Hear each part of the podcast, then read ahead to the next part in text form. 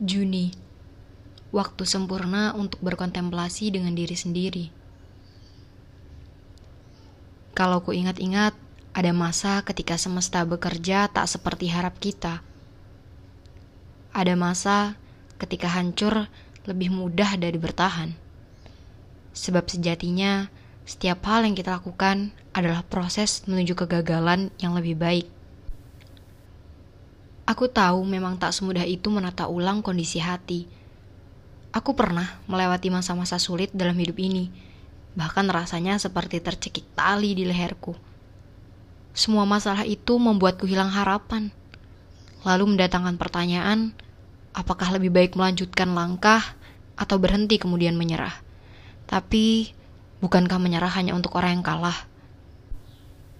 Kalau aku ingat-ingat lagi, Ternyata bukan hanya masalah yang silih berganti.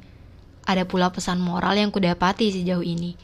Aku belajar bahwa syukur datang menjelma jadi hari baik. Dan hal terbaik justru datang saat ekspektasi hilang. Aku meyakinkan diri sendiri. Belum saatnya untuk berhenti. Karena sudah tentu impian ada di tengah peluh. Tak perlu malu.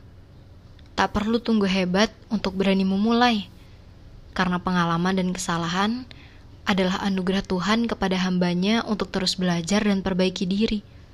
Tuhan juga sudah sampaikan, kamu adalah sebaik-baiknya kamu diciptakan. Pada akhirnya, kita tak pernah tahu dengan masa depan.